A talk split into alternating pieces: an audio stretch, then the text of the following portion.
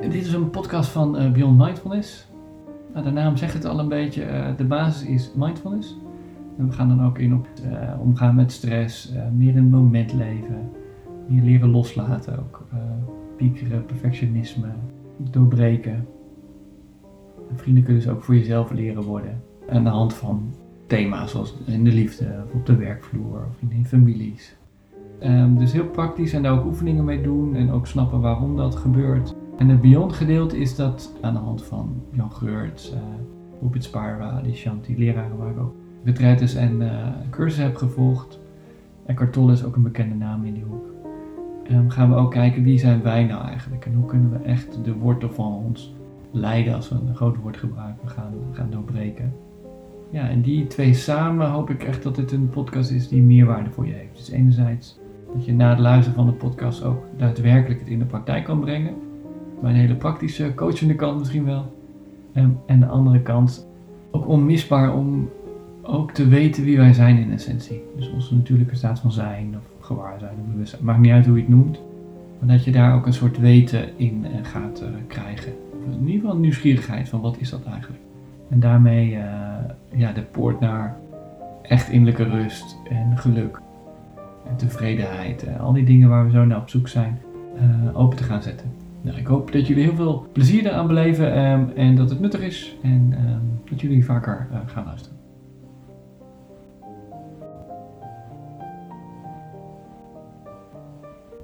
Ja, in deze podcast wil ik het belang van ons lichaam, van lichaamsbewustzijn, bespreken.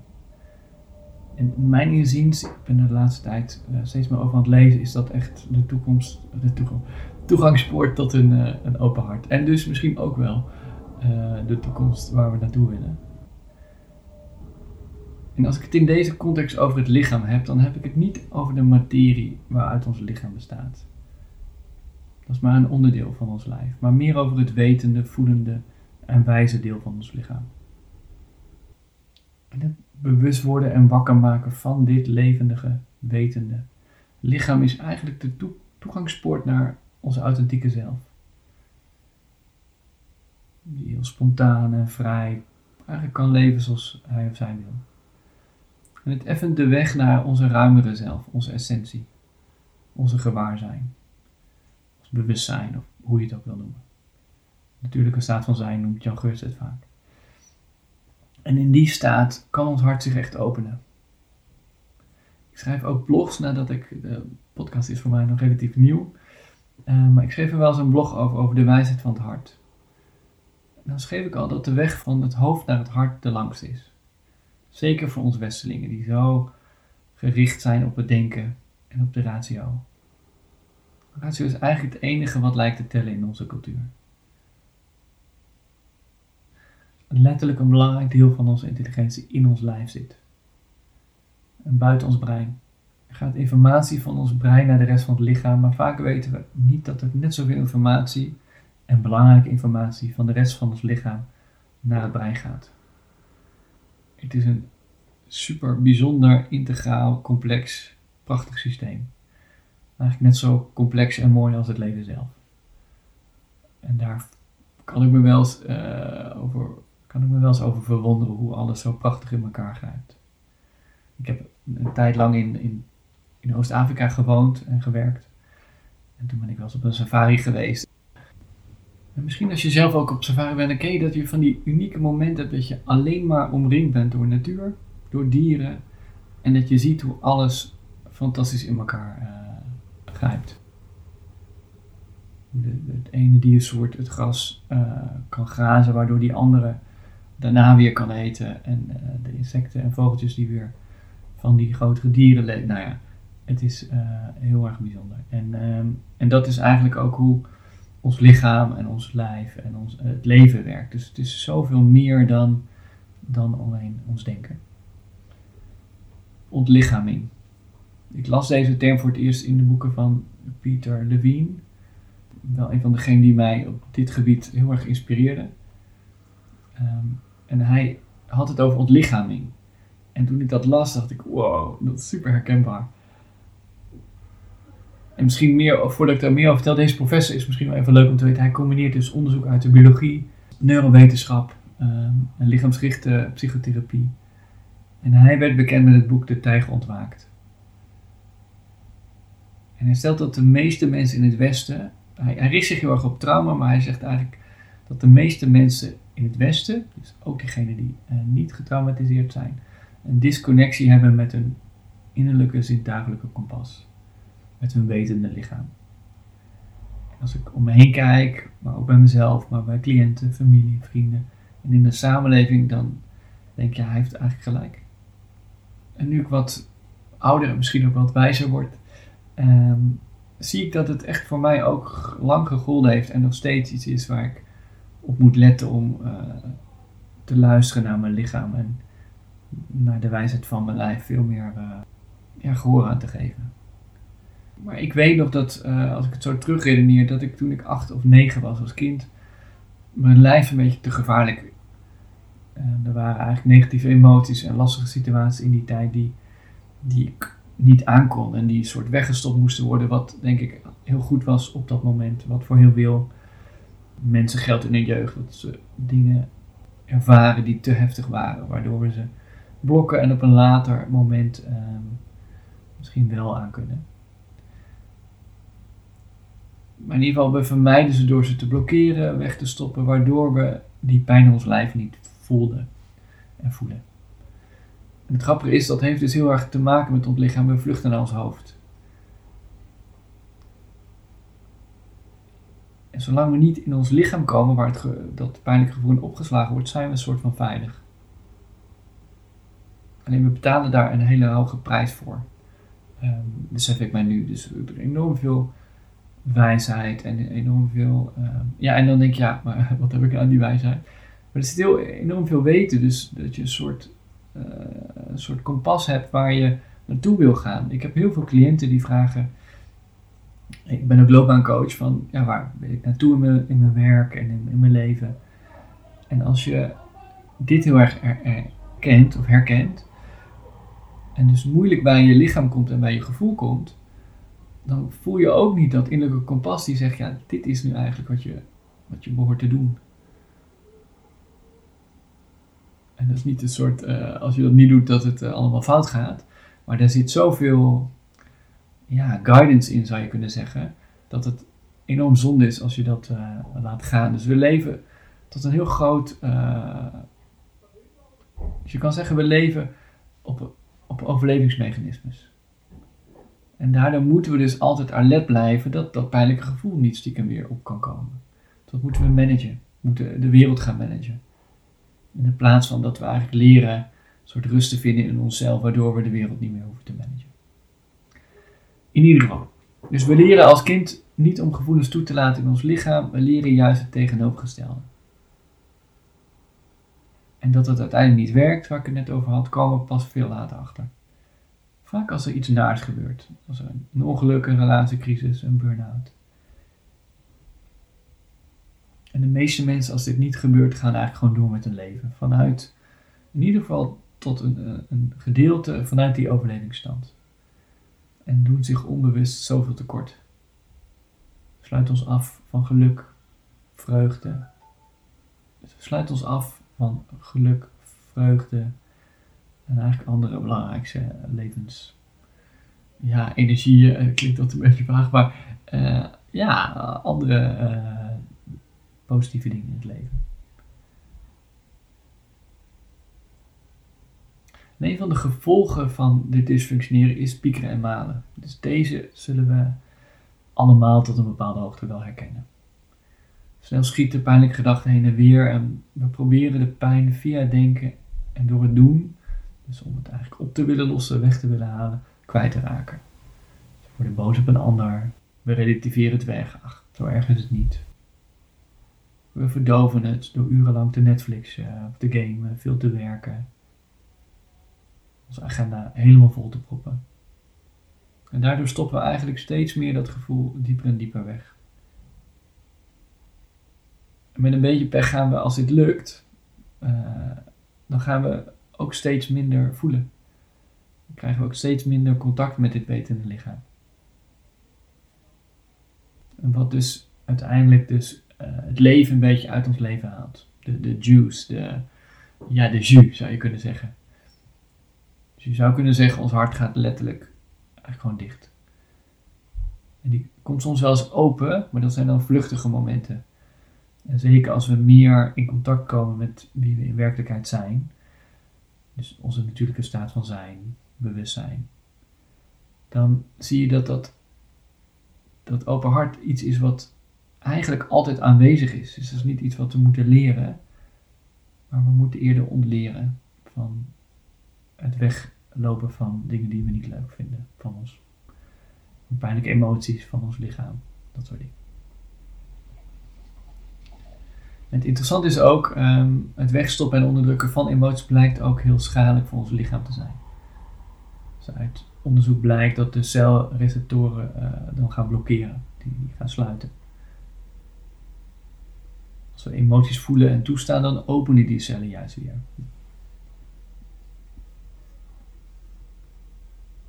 Het is niet dat uh, ik dit zelf onderzocht heb, maar ik heb hier redelijk wat over gelezen. En dus Epel en haar collega moleculair biologe en Nobelprijswinnares Elizabeth Blackburn. Zij stelde vast dat door constante stress, dus door eigenlijk dat die celreceptoren gingen, dichtgingen, onze telomeren, de beschermende omhulsel van ons DNA die onze cellen beschermen tegen ziekte en veroudering, een slijtageslag ondergaan. Dus dat is interessant. Dus er zit ook, heeft ook een letterlijke directe uh, gevolg voor uh, ons lichaam. En ook al die maskers die we ja, op moeten houden om uh, maar te zorgen dat, dat we dat gevoel niet gaan voelen, betalen we ook een enorme prijs. En dit, kan ik wel echt uit eigen ervaring vertellen. Dat, um, dat dat gewoon veel energie kost. Om... Ja, en het is vaak een heel onbewust proces. Dus het kan zijn, nou, dat, je denkt, ja, dat heb ik eigenlijk niet. En misschien is dat ook zo. Maar als je denkt, ja, is dat nou eigenlijk wel zo? Als er een soort iets van twijfel komt, dan is het goed om dat te onderzoeken. En wat ik ook altijd interessant vind, ik, ik heb een, uh, een, een ja, um, en zij is meer dan dat, maar die enorm goed is en uh, ze komt meer uit de Chinese geneeswijze. Um, en dan zie je ervaar ik dus zelf, of dan ervaar je zelf als je daar ook ervaring mee hebt, dat de grens tussen lichaam en geest veel poreuzer is. Dus veel meer in elkaar overloopt dan dat wij in het Westen denken. En zeker ook in onze westerse geneeskunde denken. Dus hoe kunnen we nou meer lichaamsbewustzijn gaan creëren? Hoe kunnen we ja, meer via ons lijf emoties leren toelaten en voelen? En ik, ik ik schrijf hier wel vaker over en ik zal er in de podcast ook vaker over gaan hebben of al gehad hebben. Dat er ook meditaties zijn, die zal ik ook uh, niet in deze podcast, maar in de volgende podcast zal je hem vinden. Um, dat je leert via je lijf dat gevoel toelaten. En dat is een enorm krachtige uh, meditatie. Maar om echt licht aan het bewustzijn uh, te vergroten, is er meer nodig. En dat is misschien wel iets subtielers. Um, en dat is om echt contact te gaan maken met je hart, je buik, je hoofd, je voeten en andere delen van je lijf. Ik zal straks nog een stuk of tien tips geven hoe je dat in de praktijk kan gaan doen.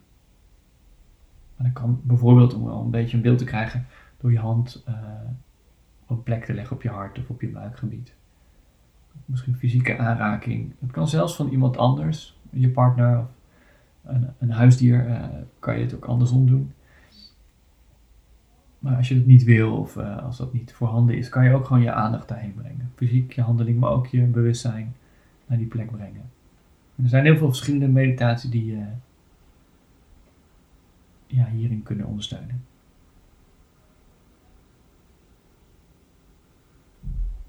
En het grappige is, dit lijkt alsof je heel erg je best moet doen, alsof je iets ja, moet gaan vinden en gaan ontwikkelen. Dat je dat meer zou kunnen. Ja, meer zou kunnen. Maar het is eigenlijk niet iets wat je door hard werken voor elkaar krijgt. Of iets wat je moet bereiken. Het is meer iets wat eigenlijk al aanwezig is in je lichaam. Maar wat je weer een soort. Ja, uh, leert kennen. En ook een soort wel wil leren kennen. Dus als je denkt, voel niet echt de behoefte of de motivatie om te doen, dan ga het vooral niet forceren. Dus probeer het eigenlijk, en ik, ik, dit mechanisme is ook heel sterk in mij om het te gaan doen. Dus om er een soort doel van te maken. Het te zien en dan wordt het al snel een trucje. Ehm, en eh, waar ik hierover praat is meer dan een trucje. Want anders wordt een soort trucje iets wat we dan een paar keer doen en dan, ja, dan doet hij het weer. Alsof, alsof we een soort machine zijn die we soort gewoon elke keer weer uh, programmeren en dan doen we het een paar keer en dan, uh, dan, dan doet hij het weer. Dan kan, kan hij weer werken. En we zien ons lichaam heel vaak als een, als een soort machine. We zijn dan ook heel erg teleurgesteld als onze machine als het ware vastloopt. Dan moeten we die repareren. En... Maar dit is niet de, de verandering die echt uh, ons lichaam bewustzijn in werking zet. Dus om contact te maken met je wetende lichaam is een aandachtige aandacht nodig, aandachtige aandacht nodig zou je kunnen zeggen. Dus we moeten bereid zijn het onbekende binnen te stappen, verwachtingen en doelen totaal los te laten. Het is een beetje, ja, ik, ik hoop dat jullie daar ook iets uh, in herkennen, maar het is voor mij een beetje alsof je een soort nieuwe liefde herkent en je hebt een soort rust erin. Uh, een nieuwe liefde leert kennen. En alsof je op een soort relaxte manier heel benieuwd bent hoe die ander werkt, hoe die ander denkt en hoe die ander leeft. Het is een beetje hetzelfde voor je lichaam. Dat je echt verbinding gaat met je lichaam. Hoe werkt het eigenlijk? Hoe voelt dat nou eigenlijk als je hart klopt of als je angst of stress hebt? En dan er eens bij te blijven en een soort ruimte te geven aan wat er is. En dat heeft zijn eigen snelheid. Dus nogmaals, forceer het niet. Kijk gewoon als je een beetje motivatie voelt om dat te doen en je denkt, ach eigenlijk wat voel ik op dit moment in mijn lichaam. En het hoeft helemaal niet lang en heel, heel uh, soort streng en nu ga ik heel uh, mijn lichaam allemaal ontdekken. Nee, kan je gewoon heel chill doen. Ga je even een minuutje kijken, wat voel ik nou eigenlijk in mijn lichaam. En dat kan wij spreken nu. Nou, laten we dat nu ook maar doen. Dus wat voel je nu in je lichaam? Voel je de voeten op de vloer? Is dat er mooi om mee te starten? Hele andere kant van ons lichaam dan ons hoofd. Voel je spanning in je, in je benen of ergens anders, in je schouders, rug. Misschien merk je juist heel veel ontspannenheid op.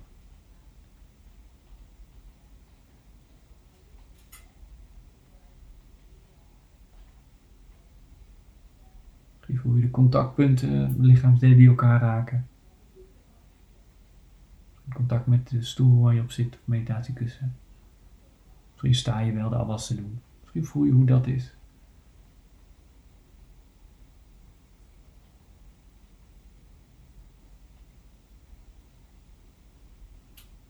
That's it. Dus ik weet niet, eh, misschien was dit een minuutje. Zo'n soort oefening. Gewoon even uit echt pure nieuwsgierigheid even te kijken wat speelt er eigenlijk. En hoe meer je dat gaat doen, hoe meer je daarmee contact gaat krijgen. En, en dan krijgt het als het ware een soort. Dan leer je dat ook weer kennen en dan wordt dat een, een onderdeel van, van, van wie je bent eigenlijk. Van wat er allemaal in deze eh, ervaring van dit moment allemaal afspeelt. En daarmee ga je dus, waar ik het aan het begin van deze podcast over had, ook veel meer uit je hoofd. dan ga je op een gegeven moment ook het verschil proeven. Je wetende lichaam een soort onderdeel wordt van je ervaring en van, van je leven.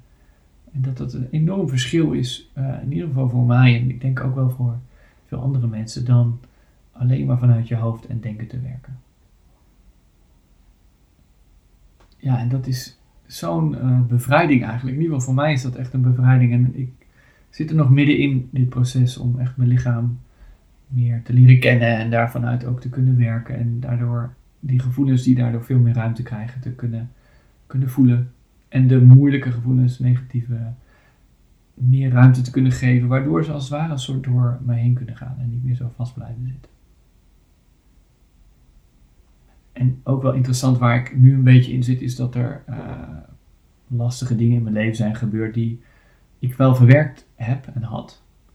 Ehm, maar nu merk dat het op emotioneel niveau sommige dingen nog helemaal nog niet zo verwerkt waren. En dat dat pas nou, sinds een jaar, laten we zeggen, naar boven komt. En dat link ik wel echt direct met veel meer uh, dit wetende lichaam uh, aan het ontdekken ben. En dan zie je ook hoeveel dat weer uh, op, oplucht. En hoeveel dat ook weer wat maskers laat vallen. Die, je bent niet meer. nee.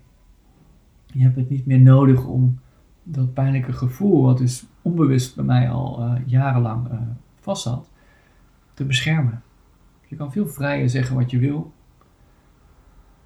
En het was best wel bizar. Ik heb uh, ook wel in één keer kwam een, ik weet niet heel veel van echt mijn jonge jaren. En in één keer kwam er een, ook een, uh, een geheugen, een, een, herinnering terug. Ja, dat was bizar. In één keer wist ik alle details. Ik wist niks meer van die, uh, van die tijd en ik kon mijn hele kinderkamer tekenen echt in heel erg detail. De kamer van, uh, van mijn familie, de badkamer, het hele huis, alles. De gang, alle tegels, alle. Dus dat kwam in één keer letterlijk terug in mijn, in mijn geheugen. Pieter Levine, die ik net noemde, daar heb ik ook een boekje over gelezen daarna. Heeft er ook een mooi boekje over gelezen. Trauma en geheugen. En ook als je geen trauma hebt, ik heb ook geen grote trauma's, um, dan is het nog steeds interessant. Dus hij praat ook over kleinere trauma's daarvoor is het ook heel nuttig om zijn, uh, zijn werk te lezen. Dus dat is interessant. Dus dat kwam in één keer terug. Dus iets wat dus uh, gewoon ja, weg, uh, weggestopt was onbewust. En waar ook, um, ja, hoe zeg je dat? Prima was dat dat gebeurd is. Dat is eenmaal zoals het gegaan is. Um, en wat toen nodig was.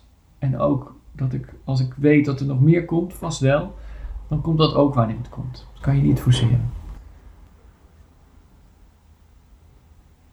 ja, het mooie is dat het niet alleen zeg maar, mij als persoon uh, ja, veel opluchting en uh, ook meer relaxedheid heeft gegeven, maar het heeft me ook meer uh, ruimte ge, gemaakt voor mijn, ja, ik noem het, je, je, je gewaarzijn, je natuurlijke staat van zijn. Kan ik via dat lichaam um, ja, een beetje de wereld gaan ervaren.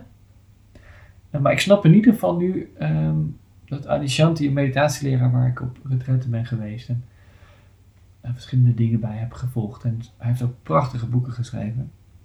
Hij had het altijd over drie niveaus van gewaarzijn. Dus, dus de mind, dus de geest, ons hoofd.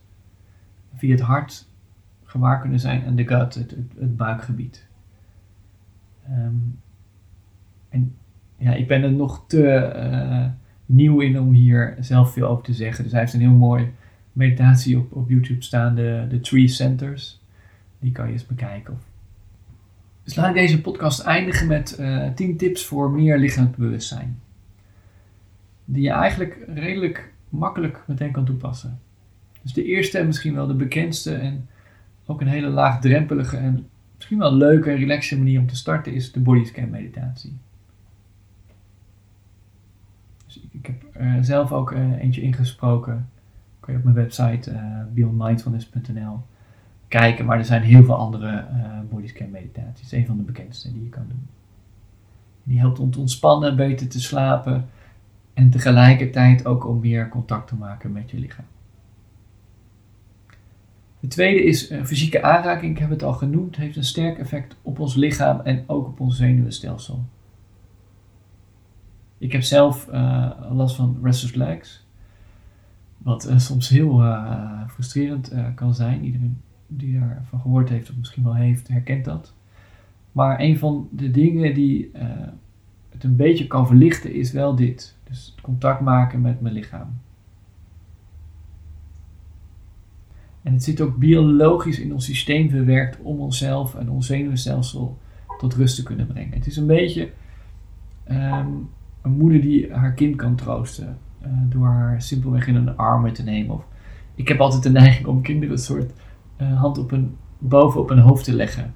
Ik weet niet per se of dit hiermee linkt, maar kan ik me heel goed voorstellen dat het wel linkt. Waardoor een baby of een kind tot rust komt. En fysiologisch dus ook, dit is onderzocht. Signaal krijgt dat het veilig is. En daardoor gaat het hele lichaam, het zenuwstelsel en het kind zelf dus ook, komt tot rust. En dit kan je ook zelf doen. door je hand eh, te leggen op gebieden waar je compassie of vriendelijkheid voor jezelf ervaart. Misschien op je hartgebied, je buikgebied. Misschien ergens anders, misschien op allebei. En dit kan je een paar minuten doen. En dit is niet om ongemak weg te willen hebben. Dit is puur om even voor jezelf te zijn op een, lastig moment. En te zeggen: het is oké dat wat er nu is, dat mag er zijn. Laat maar even. En je vertrouwt erop dat je lichaam op zijn of haar eigen tempo uh, wel tot rust komt. En dat gebeurt ook uiteindelijk. Los van als je echt een ziekte hebt of iets uh, wat chronisch is, dan moet je gewoon naar de dokter gaan. Maar los daarvan, zeker als het mentale stress is, dan zal het op een gegeven moment, juist doordat je niet zo hard mee aan de slag gaat, tot rust komen. Ja, en de derde tip is, merk op hoe je met een houding je gemoedstoestand beïnvloedt. Dus ga maar, dat kan je nu ook doen, ga maar eens bewust gebogen zitten. Schouders en hoog omlaag. En voel wat het doet. Blijf daar een paar seconden in zitten.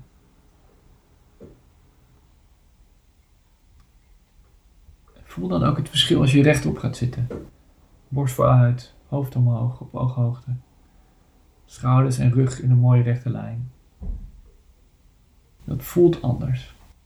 Toch? dat, kan ik me voorstellen. Misschien is het als je het nu, uh, nu doet wat geforceerd, maar doe dat maar eens um, hier buiten.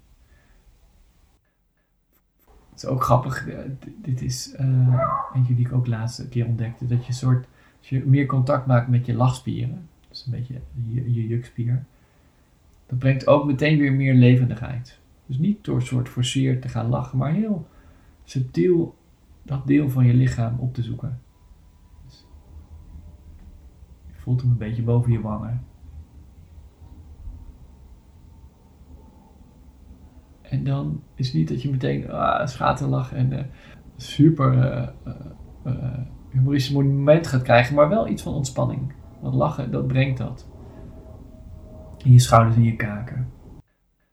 Kijk maar even. Dus je kan met een soort subtiel contact maken met verschillende lichaamsdelen en ook een soort uh, houding daarin uh, in te nemen. Uh, wat meer contact maken met je lichaam en daardoor ook wat ontspanning te brengen. Ja, en een vierde tip is als je meer lichaamsbewustzijn wil bevorderen, zeker rond de vitale energiestroom. Dit is geen veld waar ik heel erg bekend mee ben, maar ehm, ik las daar wel in, in het boek van Peter Levine over de Japanse Yin Shin Jutsu. Ik hoop dat ik het goed uitspreek. En dat dat daar een hele krachtige manier voor is. Maar misschien is acupunctuur uh, of andere manieren zijn daar ook heel goed in. Um, maar ik vond het hier wel mooi in, omdat ze hele praktische uh, handelingen lieten zien die je gewoon zelf kan, kan toepassen. Um, een, andere is die wel bekend is voor degene die meer met yoga doen of um, het Tibetaanse of het boeddhisme in het algemeen uh, kennen. Dus dat je gaat chanten. Dus het, uh, het, zingen geldt eigenlijk uh, vergelijkbaar iets. En het bekendste is de Om, A-U-M geluid. En ik heb dit opgezocht, dit wist ik eigenlijk ook niet, terwijl ik het al heel vaak uitgesproken heb. Maar dat staat dus voor creatie, behoud en bevrijding.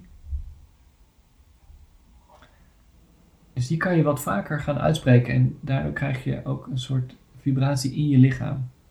Dus ook meer contact met je lichaam. Ik, Pieter Levine had een soort, en je schrijft het V-O-E, O-E-O-E, O. Is een soort oe als hoe. Woe. Zo, zoiets. Maar het is een soort dat je op die uitademing maak je het geluid, dat je geen adem meer hebt. je laat eigenlijk een soort vibreren vanuit je buik. Je laat het geluid op een natuurlijk moment stoppen en je forceert het niet om langer te laten duren. En daardoor brengt het eigenlijk in contact met een soort, een soort innerlijke veiligheid en vertrouwen met dit moment ook. En dus ook met je, met je lichaam die wat levendiger en, uh, gaat ontspannen. En nogmaals, dit zijn niet trucjes. Dus dat je het twee keer doet en in één keer heb je mega veel veiligheid in je lichaam en voel je lichaam de hele tijd. Het is meer het soort wat ik eerder zei, een soort wakker worden. Het weer her, eh, ontdekken van je, van je lichaam die altijd al uh, dit inzicht draagt. Oké, de volgende ehm, is, een, dit is echt een mindfulness oefening die ik in mijn achtweekse training ook vaak aanraad om te doen. Is een handeling met aandacht doen. Dus met aandacht te eten, te lopen, de afwas te doen, te douchen, wat dan ook. En, en dan ook voelen hoe dat voelt. Dus bijvoorbeeld douchen is altijd een, een leuke. Dan voel je hoe de stralen, ook als het regent bijvoorbeeld, voel je hoe de regen of de, de douchestralen op je lichaam komen. En wat je dan voelt en of het anders voelt op je benen, op je, op je rug of op je hoofd. Je kan er eens mee gaan, uh, gaan spelen. Hartmeditaties, dus kunnen zelfcompassie meditaties zijn of andere hartmeditaties. En dan heb je een soort lichaamsbewustzijn creëer rondom je hart. Um, het borstgebied. Dus het is eigenlijk wel breder dan fysieke, je fysieke hart. Dan ga je ook contact maken met de kwaliteiten van, van het hart. Liefde, mededogen, compassie, intimiteit met alles wat er is. En ik vind Insight Timer is een app. Niet dat ik die promote, zijn ook uh, Headspace of Calm of VGZ Mindfulness Coach. Er zijn heel veel uh, mooie apps, maar voor hartmeditaties um, vind ik Insight Timer heel, uh, heel goed soort open platform met allemaal mooie meditaties.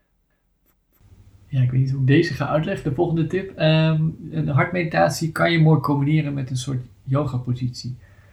Ik heb het even op internet uh, gegoogeld. De dalende gebonden hoek wordt die genoemd. Dus je kan hem even opzoeken. Um, ik weet niet of ik dit durf uitspreken, maar volgens mij is de officiële term Supta Bada. Oh ja, Supta Bada Konasa. Ehm, daar kan je het even ook op zoeken. Ik denk dat Google je wel corrigeert als je een spellingsfoutje hebt. En dat is een houding waardoor je heel erg kan ontspannen en je borst wat naar voren komt. Ehm, en nog ook meer in een soort hartmeditatie uh, kan komen. Hoeft, ook, hoeft niet, maar kan wel. Dan misschien wel een van de belangrijkste voor mijzelf persoonlijk. Uh, in Qigong creëren ze onder andere meer lichaamsbewustzijn door alle lichaamsdelen even aan te raken. Dit is een manier van Qigong. Uh, even bewust van te worden Um, ik heb zelf een abonnement op uh, de House of Yoga. En daar zit echt een, uh, een leraar. Ik weet niet of ik hem... Oh ja, ik heb hem later genoemd. Kevin Saji Wood. Um, en die heeft prachtige healing yoga sessies daarop staan. Ja, ik weet zijn achtergrond niet precies, maar um, Qigong, Tai Chi en yoga oefening, oefeningen. Ik heb toevallig eergisteren een oefening gedaan bij hem online die specifiek over je centrale zenuwstelsel ging die een soort contact mee te maken en die uh, wat meer tot rust te brengen.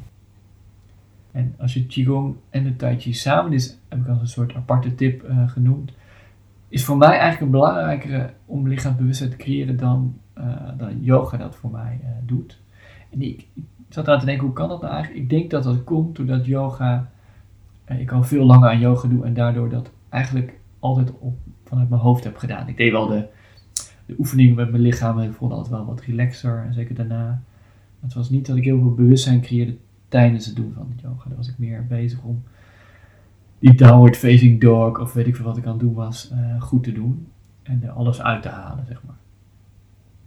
En met Qigong en Tai Chi heb ik echt geleerd om in het moment heel erg uh, te aarden. En, en uh, specifiek de tree pose vind ik een, een prachtige, eenvoudige oefening. Maar er zijn natuurlijk heel veel andere varianten.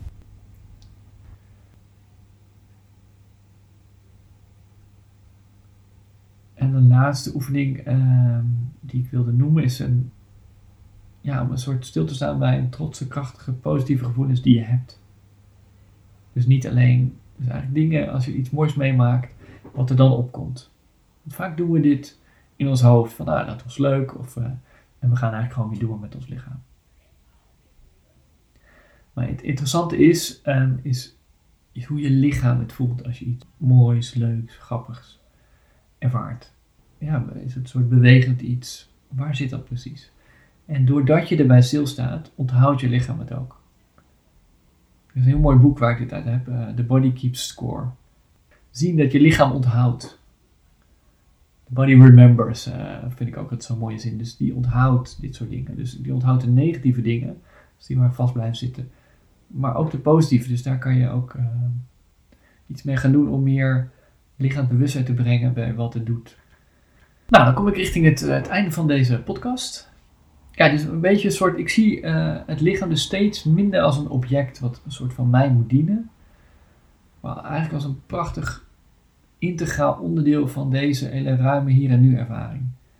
Dus dat het lichaam iets is wat onderdeel wordt van alles wat er gebeurt. En dus enorm uh, behulpzaam is voor alles wat we doen in het leven. En ook een enorm groot kompas is voor waar we naartoe willen en wat we belangrijk vinden. En dus als je veel twijfelt, enorm belangrijk om te gaan doen, om zo meer, die twijfel is prima, maar op een gegeven moment krijg je een soort informatie en een soort richting vanuit, uh, vanuit ja, je, je, je wetende lichaam, vanuit je gevoel.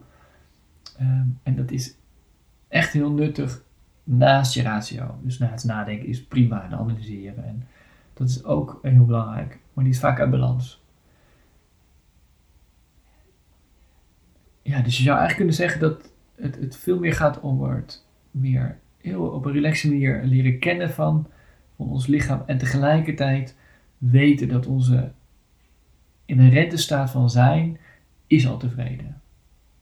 Die hoeft niet te veranderen. Er zit al een soort onderliggende rust in die al helemaal oké is met alles wat er nu is.